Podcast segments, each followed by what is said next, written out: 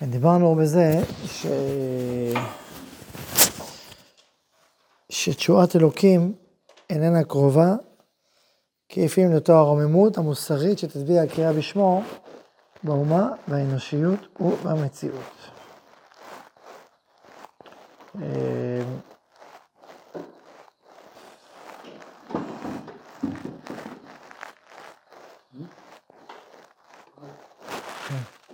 יכול להיות שזה ההסבר למה הרבה אנשים נתפסים לזה שאנחנו במדינה כובשים כאילו. למה זה כל כך מפריע לאנשים זה שעם ישראל כובש כאילו? בתוך עם ישראל. כן, ודאי. ודאי, כי ברגע שאתה, כל עולם מוסרי, כלומר, כיוון שהעולם המוסרי הוא עולם מאוד חזק ועוצמתי בתוך עם ישראל. אז תשובות חיצוניות של שליטה, או אפילו של בעלות מסוימת, לא מספיק בשביל אה, אמירה מוסרית של, אה, של או אל תיקח מה שלא שלך, או גם אם שלך תהיה נדיב. לפני הרבה שנים, אני זוכר, אה, היינו זה פנים אל פנים או משהו של... אולי בזמן הסכמי אוסלו, לא זוכר מתי זה היה.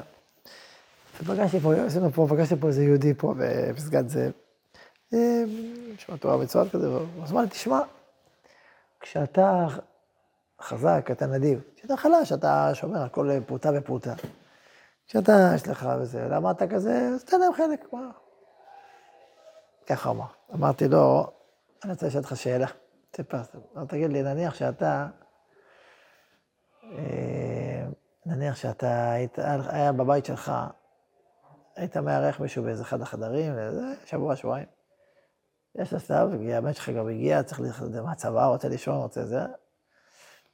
אתה אומר לו, תשמע, עוד שנת בן מגיע מהצבא, הוא אומר לך, בסדר, מבין. עובר עוד אה, יום, ממשיך להבין ולא יוצא. מה קורה שאחרי שלושה שנים אתה אומר, תראה, כבר צריך לצאת, הוא אומר לך, לא, זה שלי. זה שלי. מה אתה אומר לו? אתה אומר לו, אוקיי, למה לא? קח את החדר. אתה אומר, זה שלך, קח את החדר. מה אתה אומר לו? אתה נותן לו לקחת את החדר של הבן שלך? או אתה אומר, מה פתאום, זועק חמאס, מה אתה לוקח את זה שלא כדין? או לא, אם זה שלך, אתה ככה נותן את החלקים שלך? עוד שבאים לטעון שזה שלהם, באים לרש אותך, ועוד באים להוציא אותך גם מכל הבית, וכל הבית שלהם הם אומרים. כל הבית כולו, הם לא רוצים בכלל שתהיה פה בכלל, אפילו רגע אחד. כמובן שיש לזה תשובה יותר עמוקה, זו תשובה אחת, התשובה יותר עמוקה, זה נחלת השם לעם ישראל, זה בכלל לא קשור לשאלה של פלוני או פלמוני, זה שאלה שלנו, של העם היהודי. זה אחת הטענות שהרב ציודה, זכר צדיק לברכה, פרסם, הוא אמר, אין לאף אחד זכות ולא מנדט לוותר על מה ששייך לו, זה שייך לעם היהודי לדורותיו, זה שייך לך באופן אישי, לפלויני, שייך לראש הממשלה, זה שייך לעם היהודי. על בורא עולם, מי אתה שאתה יכול לוותר בשם העם היהודי שהיו ושיהיו על מה ששלהם? מה, מה זה קשור לכם? איך יש לך את הזכות, את ה... אתה לא יכול לעשות דבר כזה. ראשון. כן, אגב, כן, אבל זו אמירה יותר עמוקה, כי זה שייך לעם היהודי לדורותיו. הוא אומר, תקון יש דרתיך לא לעבודתיה, אתה, אתה שליח של העם, בשביל לתקן, לא בשביל לעוות. זה לא שייך אפילו לרוב העם המקרי היום שיושב עכשיו בישראל, זה שייך לעם היהודי שבגלות, עכשיו לילדים שלך, זה גם לעם היהודי שהיה. מי הסמיך אותך לקחת דבר ששייך לעם היהודי לדורותיו ולוותר? אתם יודעים אגב, ש... שבן גוריון, בזמן החלוקה, לפני קום המדינה, אז היה את תורת החלוקה, ואמרו לנו, הבריטים וזה, בואו תסכימו על החלוקה. אמר, ואז היה ויכוח גדול מאוד בתוך התנועה הציונית ובתוך בכלל אה, עם ישראל, האם להסכים או לא להסכים. היו כאלה שאמרו, חס ושלום, אפילו בשביל מדינה לא נסכים לוותר על חלק מישראל, לא נסכים לשבוע לפני. מי אמר את זה? אגודת ישראל למשל, אמרו, חס ושלום. הם אמרו משפט כזה, רק מי שיש לו את העוז המר לחתוך חלקים מהתורה, יכול גם לוותר על חלקים מהארץ. אגודת ישראל. ובתוך התנועה הציונית היה מחלוקת. היה דוד בן גוריון וברל כצנלסון. דוד בן גוריון אמר, כן, אפשר, בשביל להקים מדינה שווה. ברל כצנלסון, מה פתאום בשום פנים ואופן? הוא היה מורו וחברו.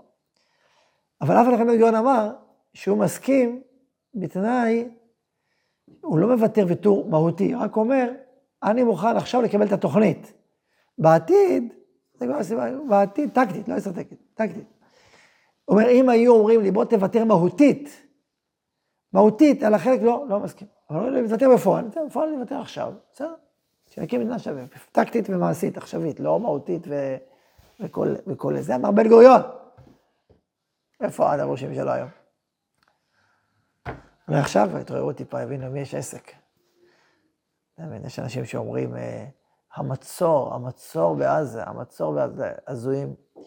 והם שכחו את פרעות תרפ"ט. פרעות תרפ"ט, כמו שעשו, עכשיו עשו פרעות תרפ"ט, אותו דבר. אותו דבר, יש ככה וש... איזה, איזה מצור היה בתרפ"ט בדיוק? איזה מצור? מי עשה מצור? על איזה מצור? על איזה... כשאתה שולט עליהם, אתה שולט. אתה עושה איזה מצור. כשאתה נכנס... מה זה הדיבורים האלה בכלל? אפשר לצחוק משפחת פורקל, מישהו עשה עליהם מצור, או הפוך, נתנו להם לעבוד במדינת ישראל והכל. מה? מה מצור? וגם עשו עליך מצור, מותר לך להיות לך טרף. מה, לא עשו בישראל מצור אלף פעמים? אלף ואחת דברים עשו להם, אז מה, בשביל זה היה מותר לעשות מה שאתה עושה? מה הקשר בכלל? זה, זה תפיסות מעוותות כל כך, אבל צריך לשמחתנו, זה מיעוט של מיעוט.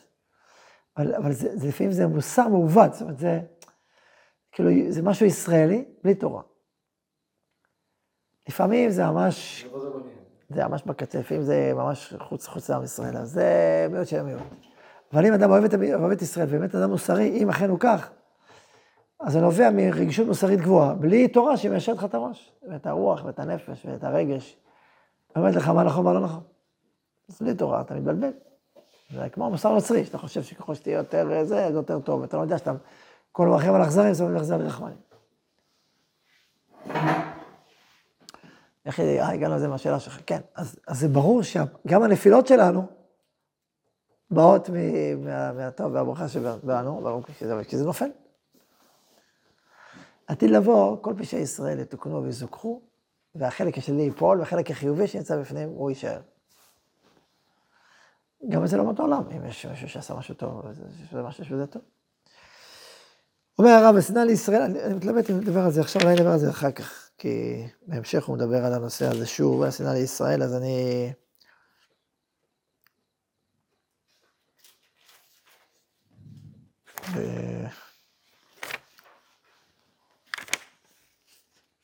רומי, כן, אז אוקיי, נדבר אחר כך על השנאה לישראל. אמ, כל נושא אנטישמיות, זה נושא מאוד רחב, אז הרב, יש פה כמה שעות לדבר, אני אדבר על זה בהמשך. אז...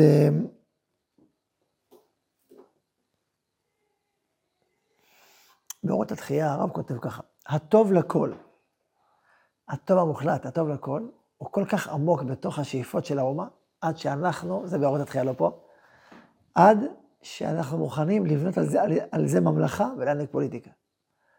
כלומר, העם היהודי, הרצון שלו לטוב הוא כל כך עמוק וחזק. תראו, אדם, הרבה אנשים רוצים לעשות טוב, באופן כללי רוצים לעשות טוב.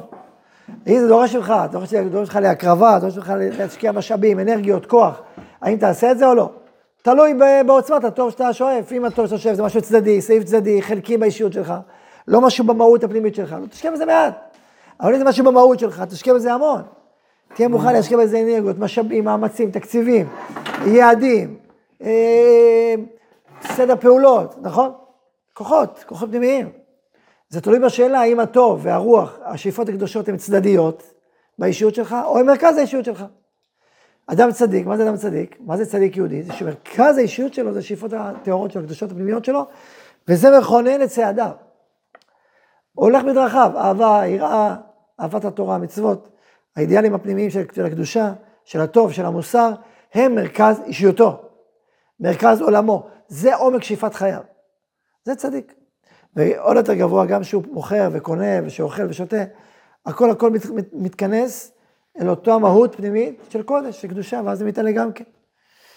עם ישראל הוא עם שהשאיפות הפנימיות שלו כל כך עמוקות של לטוב ולברכה, והן כל כך לא צדדיות, כל כך יסודיות, שהוא יכול לבנות על ידי זה מדיניות לאומית, והנהגה לאומית, לא צדדית. ו... ולכן, וככל שהעם הזה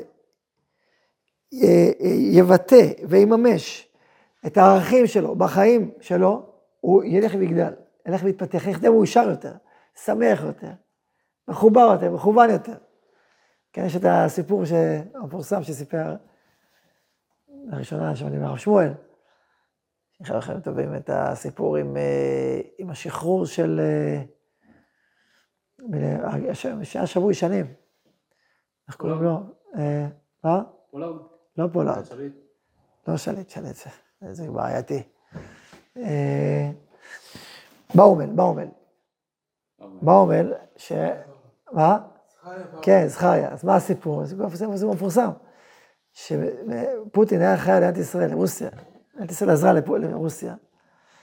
ופוטין שאל את נתניהו, מה אתה רוצה? אנחנו ניתן לך תמורה. אז אגב, יש סיפור מקדים לפני, ש... מה שם הרב דרוקמן, לא, לא זוכר מה, שפה פגשו את האבא של סבא אומר לו, המשפחה שלו, והיו ממורמרים שלא עושים מספיק, שלא זה, אז אמרו להם, תתפללו, ותדונו לקו זכות. לא זוכר מי אמר את זה, תדונו לקו זכות את נתניהו. ככה אמרו להם שם. ככה, לא זוכר, אחד הרבנים אמר להם, מה אתה... תתחילו לדון לקו זכות. לחשוב על זה טוב, לחשוב שהוא מנסה, לחשוב שלא תמיד אפשר. ניקות הלב. מספר נתניהו שהוא בא, פוטין, פתאום הוא לא, הוא היה כבר שלוש דרישות אחרות, פתאום כשהוא בא, נפל לו באומל, אמר, רגע, מה עם באומל? זה, זה, אולי זה יעזור. אנחנו עושים גופת חייל חתום, גופת חייל. לו, מה? חייל שנפל לפני עשרים שנה. חייל לפני עשרים שנה נפל, אתה רוצה משהו, במקום משהו ממשי? הוא אמר לו, כן. הולך יכול להיות, אבל ככה אנחנו. למה זה חשוב? חשוב לנו. וקיבלו, יש ממשיכים את הסיפור, אני לא יודע מה נכון, שפוטין אמר, טוב, זה בשביל, זה אני נותן, עכשיו, תעשה גם וגם, כן. אני לא יודע אם זה נכון, שווה לבדוק. על כל פנים, על כל, זה מה שנקרא חשבון הבית. על כל פנים, תחשבו, תחשבו על האירוע הזה. כמה חשוב לנו הרגישות הזאת, האכפתיות הזאת, ממשפחה, מחייל שמסר את הנפש, שקראת טוב לחייל, האכפתיות במשפחה, מהסמל שלה, מהכאב שלה, מהרפואה המסוימת בזה שמביאים חייל לקבר ישראל. הראיה, היה, הוא הגיע, הוא הגיע לפה, כבר. תחשבו על האירוע הזה. זה אירוע שמבטא את, ה, את הרוח הזאת, את הפנימיות הזאת. גם היום, החטופים. בואו נתעלם מהוויכוח הערכי, מה המטרה יותר חשובה, השבת החטופים או, או, או הכרעת החמאס. פשוט, בעיניי פשוט שהכרעת החמאס זה מאוד חשוב, למרות שזה דבר מאוד חשוב, החזרת השבויים. אבל בואו נתעלם מזה, לכולי עלמא זה מטרה עליונה, נכון? השבת החטופים, אין שאלה בכלל. מוכנים להשקיע באיזה, למסור על זה את הרוח. אני לא יודע, לפעמים גם על גופות עושים זאת שאלה, צריך להתבונן בה, אבל שאלה עמוקה. אבל ודאי החיים, ודאי שאנחנו עושים ומתמסרים. בדיוק חשבתי על זה היום, הלכתי פה לקניות. זה עוד בן אדם הולך, יהודי הולך. אתה לעצמי, תשמע, אם חלק היה נכתב, אנחנו היינו יכולים למסור את הנפש בשבילו. כל אחד שאתה הולך, אתה אומר, הוא יהודי, הוא יהודי, אני פה. יושבים אנשים, מוכנים למסור את הנפש בשביל פלוני. אתה לא מכיר לא. אנשים נסעו למסור נפש על, על קיבוצים שלא מכירים בכלל אף אחד. קחו את הנשקים, אלפים, לא אחד, שניים, אלפים. עשרות אלפים הולכים את הנפש. תשמעו, זה עניין, זה לא משהו צדדי, זה לא משהו שולי, זה לא משהו, אה, משהו מאוד מאוד מאוד עמוק, מאוד מאוד מהותי, מאוד יסודי, עם מוכנות לשלם מחירים אדירים. בשביל מוסר, בשביל קשר, בשביל רגל, בשביל שייכות. יש גם את השיקול של מלחמה על הבית, אוקיי, שיקול, אבל גם בזה אתה יכול לברוח, מה, יש הרבה אנשים שלך, לא, אני נלחם, אני בא. הנה, אספר לי עכשיו אה, יקיר, שהיה איזה נהג של D9, הוא אמר לי, זה לא כזה עד הסוף ממוגן, אה, יש טיל מסוים, קורנט, שכן יכול להיכנס, אה, RPG, יש מקומות מסוימים, בקיצור, אז הוא... מה? גם על הנמרים. כאילו, לא? מה הנמרים? לא, הנמרים זה עוד סיפור. אז הוא אומר, היה שם חייל שנפצע, וקטעו לו רגל. ואז הוא אומר, טוב, עכשיו גם רגל אחת אפשר לנהוג ב-D9. הוא רוצה לחזור.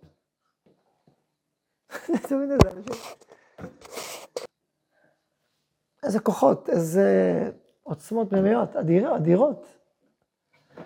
אז עכשיו, שוב, עכשיו, יש המון סיפורי גבורה, אז אתה שומע את זה בכל צד, מכל פינה. אז אתה רואה עוצמות אדירות, אבל את המסירות, מסירות נפש, את ההתמסרות האדירה הזאת. רואה שזה לא דבר צדיק, זה דבר מהותי, מרכזי. ו... אני אקרא לך את המשפטים של הרב קוק, משפטים אה, ככה, משפטים אה, גבוהים כאלה, אבל אני מתרגם את זה. העסק האידיאלי להרחבת דרכי השם. העסק האידיאלי להרחבת דרכי השם. כלומר, הרצון להיות שייך ולפתח את האידיאל, את דרכי האלוהים, את, ה, את הטוב, את האמת, את היושר, את הקדושה, לפתח את זה עוד ועוד. מצד אור החיים, ההתאמה וההשוויה הנצחית, שמוצאת בקרבה האומה כולה אליהם. האומה רואה את עצמה ורוצה להשתוות אל אותם ערכים פנימיים עמוקים שנושבים בקרבה. ורוצה להיות יותר ויותר כזאת, יותר ויותר אומה של אמת, יותר ויותר של צדק וחסד וגודל ורוח, יותר ויותר, וזה כל הזמן לא נגמר, כי זה אינסופי, זה בתוך תוכנו. היא מפנה מקום לתביעה התמידית של דעת אלוהים. זה לא תביעה צדדית, זה דעת אלוהים. ככה יודעים יותר ויותר את אלוהים, ככה אלוהים יותר ויותר מופיע בקרבנו, מתנוסס בקרבנו, אורו מאיר בנו. ככל שאנחנו כאלה יותר ויותר, אתם רואים את הרוח, איך נושמים עמוק, איזה גודל רוח. אז לתביעה תמידית של דעת אלוהים ולהתעוררות גבורה לאומית למטרה הנצחית שלה. התעוררות גבורה לאומית של עם למטרה הנצחית שלו. ואז הוא אומר, ואז דוד מלך ישראל וקהל, דיברנו על זה, דוד חי וקהל, ואז דוד שם. מה זה וזה דוד שם? שמע ליקוד שבריחו. וזה מעניין בהלכות מלכים לרמב"ם. מצד אחד כתוב ש, שכל מלך יודע שעל ייחוד השם הוא עושה מלחמה, ועל קידוש השם הוא עושה מלחמה. שמור זוהר השם. מצד שני הוא אומר להרבות גדולתו ושמעו. מלחמת הרשות, מותר לצאת להרבות גדולתו ושמעו. זה נשמע קשה מאוד. בשביל אה, להרבות, להורג אנשים, הורג או נהרג, בשביל להגדיל גדולתו ושמעו. אלא אתה קורא את ההלכות האחרות, שאומר שמלך ישראל לא עושה שום דבר, כי כל מגמתו להרים דת האמת ואת שם השם. זאת אומרת, מלך ישראל אמיתי לא יוצא שום פעולה לאומית מבלי ייחוד, בלי רצון לתיקון העולם, שמשרת את המטרה הגדולה של תיקון העולם. אז לכן גם גדולתו ושימוע זה בעצם שפה אחרת לבטא אידיאל גדול של המציאות, של תיקון של העולם, של, של המציאות. זה מה שהמטרה שלו. לשם זה חותר. אז לכן כתוב, ויעש דוד שם, אומר הזוהר, שמע דקות שבריחו. או ועשיתי לך שם גדול, כי להיות שם הגדולים השם בארץ. צריך להגיד, מה, איזה מין הבטחה שיהיה לך הרבה כבוד. לא. כיוון שדוד כל כולו אני תפילה. כל כולו הוא תשובה ותפילה ו... ו... הורג לאלוהים, הורג לטוב ולאמת. אז לעשות לו שם, לעשות שם לצדיקים, זה בעצם להאיר את אורם במלוא תבל. אז לכן זה אותו דבר. ויעש דוד שם, דאביד שמע דקדישא דקודשא בריחו. זה בזוהר. ואז הוא ממשיך ואומר, מוסיף הרב עוד נדבך, חוץ ממה שאמרנו עד עכשיו. עד עכשיו דיברנו על הנהגה לאומית, דיברנו על דרך חיים, דיברנו על מה זה מדינת ישראל, איך היא צריכה לפעול, ממלכת ישראל בעולם ובתוכנו. תחשבו קודם כל כמה השראה יש בזה, כמה עוצמה פנימית, וואו. תראו, אני אגיד לכם, אני עכשיו קצת מצטער שעזרנו לטורקיה, ברעידת אדמה, אחת רעידת אדמה גדולה, הלכו לעזור לטורקיה. מי הלך? מי שם מפקד החטיבה, אלוף משנה וך, אדם גדול, שהוא עכשיו מח"ט בעזה, לוחם, הוא היה מפקד יחידת החילוץ בטורקיה. הלך והציל אנשים וככה וככה. אמרנו לעזור להם. באנו לעזור להם. עכשיו תראו בשיעור התחת טובה.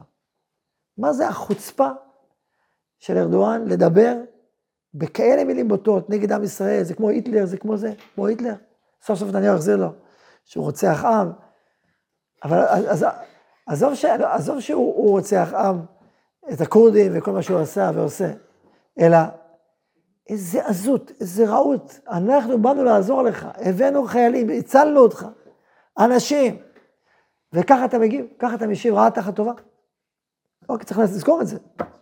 היה ויכוח, הרב שמואל אליהו אמר, דיבר שזה לא כזה פשוט לעזור להם, אחרי מה שעשו, והרב בן דן התווכח ואמר, אה, ליבי למואב יהמה, כחלילים יהמה. היה איזה דיון.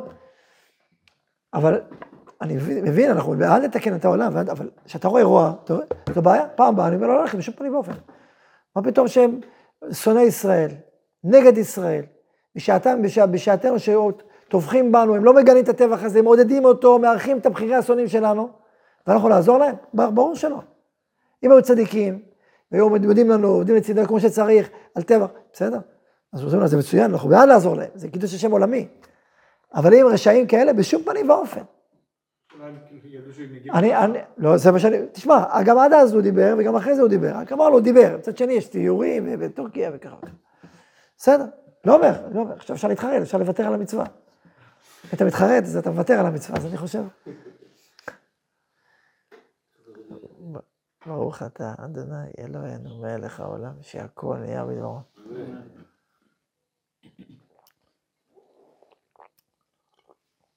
תודה. שאני אומר את זה בכאב, כי הייתי רוצה שהם יהיו מתוקנים, יותר. שלא יהיו עם שנאה הזאת, שלא יהיו עם האסלאם, שיהיו מתוקנים, שלא יהיו קולקלים. אה, מתי עזרנו להם? מה? לא מזמן, לפני שנה, מתי זה היה, הייתה האדמה הזאת? שנה וחצי? לא, יותר. שנה. הייתה שם מנת אדמה עצומה. עכשיו מגיע להם עוד אחת. מה זה הדברים האלה?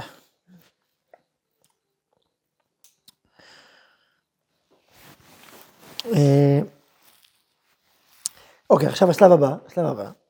לא, בהתחלה הזכרתי בזה שכשעם ישראל עשה את זה, אנשים שמחו. גם אני שמחתי באופן יסודי, בלולי השנאת ישראל, שעם ישראל מגיע ועוזר ומחלץ ומרפא ובית חולים שדה, דבר גדול לגבי אוקראינה. עוזרים ועושים חסד לעולם, אנחנו בעד, ממש בעד, ורואים בזה גם יתומות רוח כעם. עוזרים לכל העולם, אנחנו בעד זה. אבל בסדר, אם אנטישמיות זה... זה השם אשנא, להרוג לך שכם להורגו, אבל באופן מהותי, כ- גם בתוכנו כמובן, גם בתוכנו. עכשיו הרב הולך עוד שלב.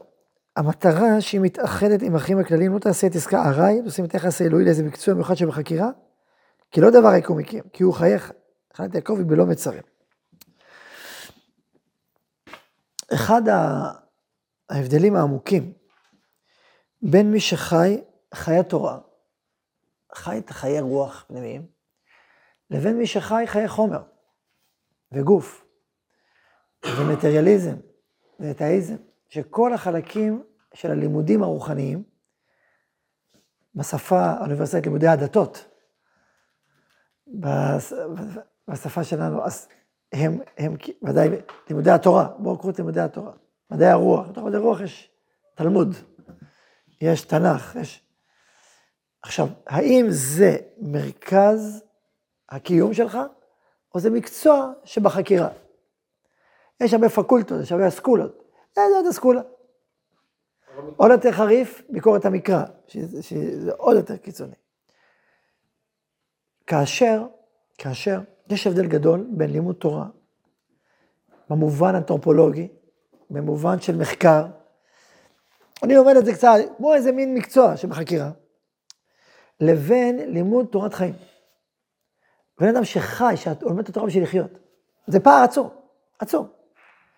האדם, האדם שלומד תורה בשביל לחיות, התורה היא חיינו. אתה נושם את זה, אתה סופג את זה, אתה מתרומם מזה, אתה מתעלם מזה. זה התורה. ו... ולעומת זאת, לעומת זאת, אפשר ללמוד את זה כמו דיסציפלינה, איזשהו קטע, איזשהו מתודה, איזשהו אה, מקצוע מיוחד, או, או ז- זווית מיוחדת של מחקר בתוך הרבה מחקרים. הוא חוקר הרבה דברים, הוא חוקר ביולוגיה, הוא חוקר פיזיקה, חוקר, הוא חוקר גם תלמוד. מה ההבדל? האם זה מקצוע שבחקירה, או זה שאיפת חיים? שאיפת חיים, תורה כשאיפת חיים, כמקום שהוא מרומם ומעורר את הממדים הכי פנימיים שלנו, הכי נשמתיים, הכי עליונים, הכי נשגבים שלנו, זה לא צדדי, זה מהותי, זה מרכזי. לימוד תורה בישראל זה משהו מהותי לאומה, לא משהו צדדי. זה לא עוד איזה זווית. וזה מה שהוא אומר, המטרה, כשהיא מתאחדת עם האחים הכלליים, לא תעשה את עסקה הרע, לא תשים את היחס האלוהי לאיזה מקצוע מיוחד שבחקירה. כלומר, היחס האלוהי אל הדברים, שזה בעצם התורה. איך מתייחסים באופן רוחני, איך היחס הקדוש לדברים האלה והאלה. זה לא מקצוע, או אנשים מסוימים שיעסקו במחלקת המחקר בנושא. זה משהו במהות, בשורש. כי הוא חייך, ולכת יעקב בלי מצרים, אין לזה גבולות, כי בכל מקום, מקום, מקום יש לזה תוכן וערך פנימי. התורה נותנת את, האור, את, התוכן הפנימי והערך הפנימי לכל מעשה ומעשה בחיים שלך. אבל זה גם כמה שאמרתי עכשיו, ההבדל הזה נעוץ בדעת אלוהים. הוא נעוץ בשאלה האם תופסים את אלוהים כאובייקט, או כעצם, או הוא האין סוף שמתגלה באידיאלים, מתגלה בערכים. זו, זה קשור אחד לשני, נכון? מה הקשר? זו סוגיה אחת, זו סוגיה אחרת, מה הקשור אחד לשני, נכון? שאלה. הבנתם את השאלה? יש סוגיית העצם והאידיאלי שאנחנו עוסקים בה, זו הסוגיה שלנו. ויש נושא שאמרתי עכשיו, מקצוע אחד שבחקירה, או שאיפת חיים. בסדר, אוקיי, זה בעיה בפני עצמה. למה הרב עכשיו קושר א' וב'? עכשיו פה מתחיל הרצאה שלמה. שהוא מדבר על שפינוזה. אחד הפילוסופים הגדולים שהיו,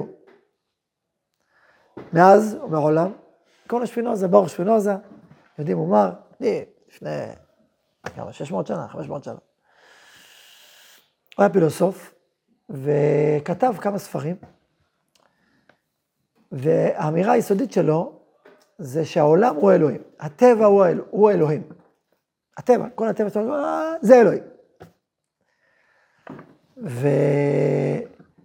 והרב קורא לזה הקריאה המהממת לעצמיות, כאילו, תחשוב, כל, כל, כל, כל, כל, כל, זה אלוהים. עכשיו, ברעיון הזה, שהשפיע מאוד על העולם, בהרבה צורות, לא רק בזה, הוא השפיע גם הערות למדע המקרא, השפיע כמה וכמה, אה, עכשיו השם של הספר שלו, ראיתי אותו, כמה ספרים.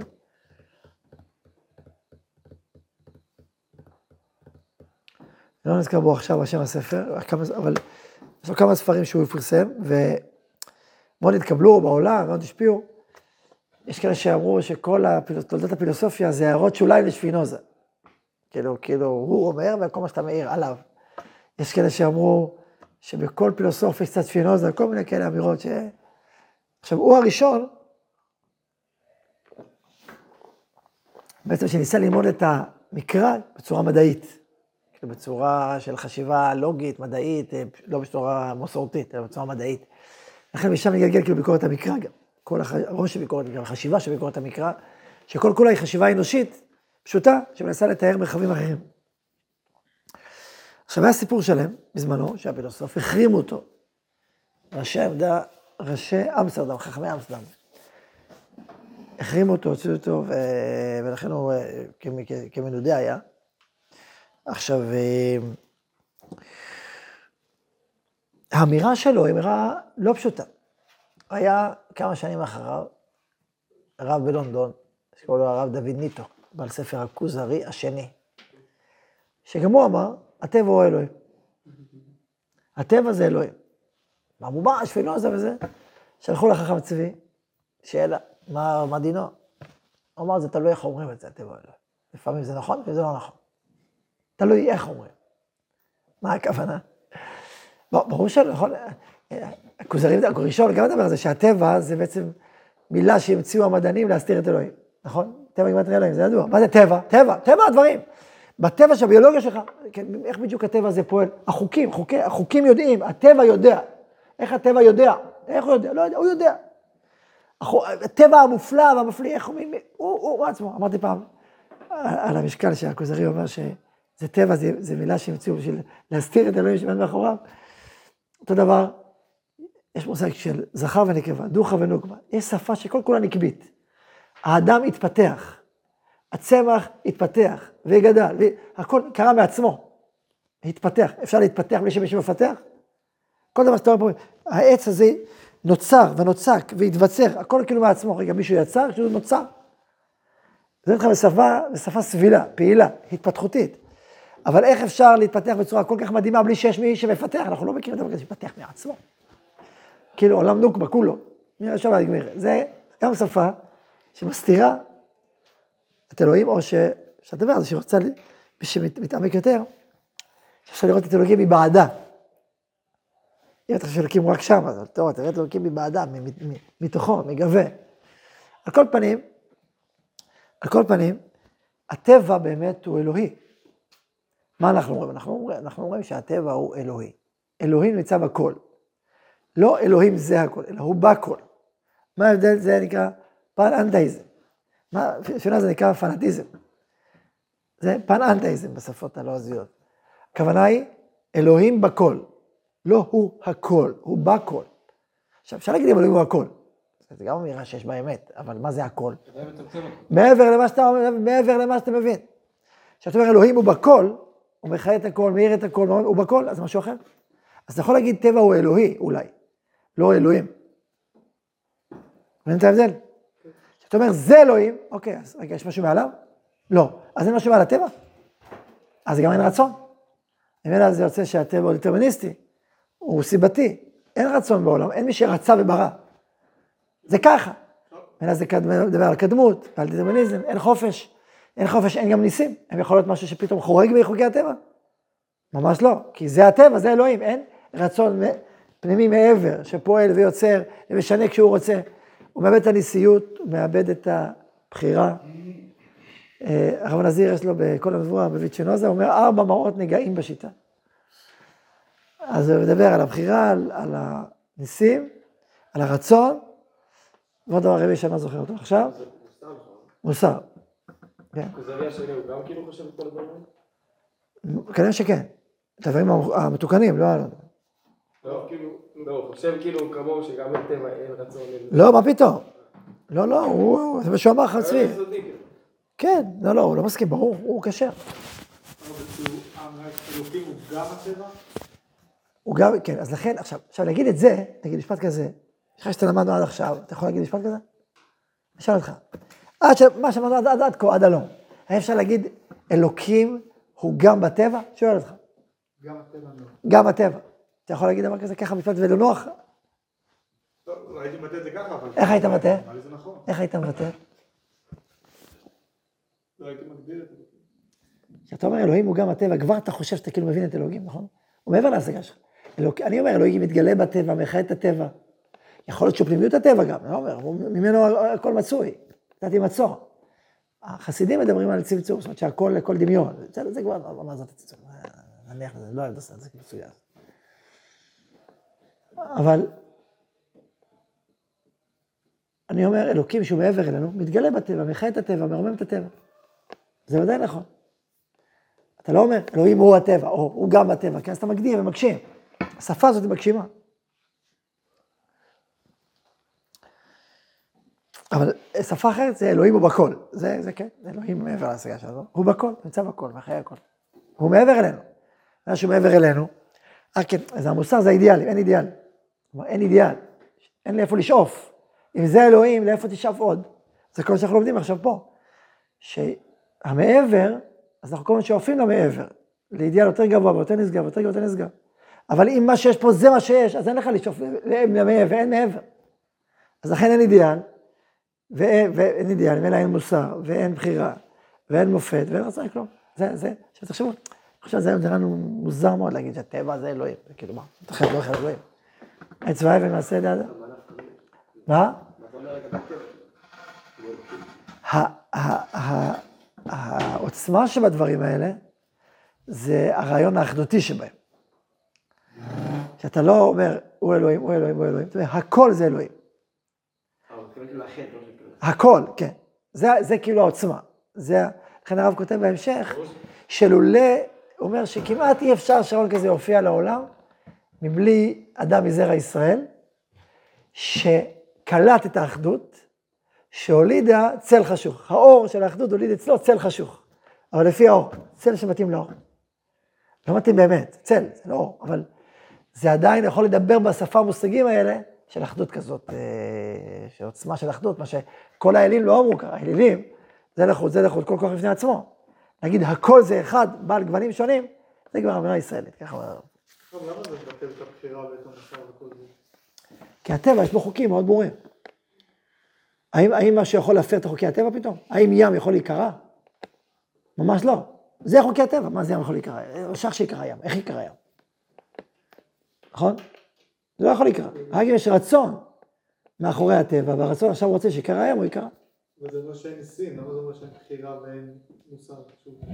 רגע, זה אומר שאין ניסים, זה אומר שאין רצון מעבר לטבע, וזה גם אז, אז מה שיש, יש, הטבע זה טבע. הטבע זה בסך הכל, סך הכל של כל הדברים. כמו שהטבע הוא סך הכל של כל התצורות, גם האדם הוא חלק מהטבע. האדם עצמו הוא גם חלק מהטבע. ואם הטבע הוא תוצר ביולוגי, פיזיקלי, כימי של המציאות, אז גם האדם הוא חלק מהסיפור. הוא לא משהו בפני עצמו שפותח שער אחר. אתה מבין? אתה צריך להיות אה, אדם רוחני בשביל לפתוח חשיבה של, של, שאדם הוא משהו אחר. מבין? בדיוק אה, מישהו סיפר לי על הרצאות של דוקטור יובל נוח הררי, שהוא האדמו"ר של האתאיסטים. וחשיבה מאוד מאוד חומרנית, מאוד חומרנית. ו... מה? לא יודע, מימוש עצמי, הרבה דברים. עכשיו, אה, אה, וכשהוא מסתכל על האדם, אז מה זה מותר האדם? מה זה מותר האדם? שיש איזו קפיצה ביולוגית בדטרמיניזם הזה של האבולוציה, קפיצה שגורמת לשפה, והשפה, אז זה יוצר משהו, משהו חברתי, אפשר להיות חברתי, יוצר איזה מין סדר עולם, איזה מין סיפור שלאורו אנשים חיים, אבל איזה סיפור שבנוי על מה? על דמיון. רק דמיון, אין רצון. מה השאיפות שלך, מי אתה, מה השאיפות העמוקות שלך. ואיך זה קורה, איך, איך נצטרך ישראל להתרחש? בוא נשמע. דמיון זה דמיון, אתה רגע להוסיף דמיון, אבל לא לעשות שזה מציאות. עם ישראל מנצח את ההיסטוריה, העובדה בחיים, נו עכשיו מה תגיד? לא, זה דמיון, זה לא דמיון, זה מציאות. יכול להיות, אני לא מבין, האדם כולו זה דמיון. ולמה שאנשים ישאפו לדמיון הזה בכלל? מאיפה השאיפות האלה באות? זה צמצום מאוד מאוד גדול של מה זה אדם. ומה זה בכלל מציאות? אז מה, זה כל המציאות היא פיזית, אין, אין ממילא, אין רוח, ואין ערכים פנימיים, ואין שאיפות עמוקות, מה זה כל הדברים? זו תפיסה מטריאליסטית, פשוט ידועה, כאילו, בסך הכל, אתה גם אותנו לחדשות חדשות. לא, הוא גם מסלף את היהדות. גם. שהיהדות דואליסטית, ושיש לנו ריבוי אלים. כן, גם זה קשקוש. שהוא, כל איזה ליצן נהיה פרופסור ליהדות, אתה מבין משהו ביהדות. כמה, כמה זמן הוא למד יהדות? באיזה רגע? אני פעם קראתי... מה? כן. קראתי פעם חוברת, זה בעיה חמורה. קראתי, רציתי למצאת על האסלאם, רציתי להכיר אותו. אז מי כותב על האסלאם? דוקטורים. אז מה אני אעשה? אז קראתי, קראתי, סקרתי, סקרתי. כל משפט שני, כמו ביהדות, באסלאם, כמו באסלאם. הוא לא מבין ביהדות כלום. הוא מסתכל חיצונית, הוא מסתכל, הוא לא... מה, אתה מי עשה אותך מומחה ליהדות? אתה, ואם ככה אתה מומחה לאסלאם, אז גם באסלאם אתה לא יודע, לא מבין. אתה רואה איך הסתכלות חיצונית כל כך, שטחית כל כך. לא מבינה, פשוט לא מבינה. היא משווה באופן שטחי, מזכיר את הרמב"ם באגרות, שאומר שהיהדות והאסלאם והנצרות זה כמו פסל מול אדם חי. מרחוב זה אותו דבר, אתה רואה אדם, אתה רואה אוזניים, אתה רואה עיניים, אתה רואה אותו דבר. זה לא אותו דבר, ממש לא אותו דבר. זה סיפור אחר לגמרי, כשאתה מסתכל פנימה, חייבים, זה סיפור אחר, פשוט זה בורים ועמי הארץ. רק מי יגיד לו שאתה בור ועמי הארץ? סטודנט שגם הוא לא יודע כלום. אז זה הבעיה. אבל... לא, אני באמת חשבתי כבר, פעם אמרתי לעצמי, אני צריך פעם אחת, לשמוע איזה הצעה שהדוקטור התחיל להקשות עליו קושיות, טק, טק, טק, טק, טק, כל התורה. בוא תדבר, בוא נראה אותך. מבין ביהדות. מה זה הדברים האלה? אנשים למדו קצת, מבחוץ, באופן שטחי, הם מתיימרים לדבר בשם היהדות. מה, אין לך קצת ענווה? מה אתה יודע ביהדות? ומי למדו? מדוקטור אחר גם כן.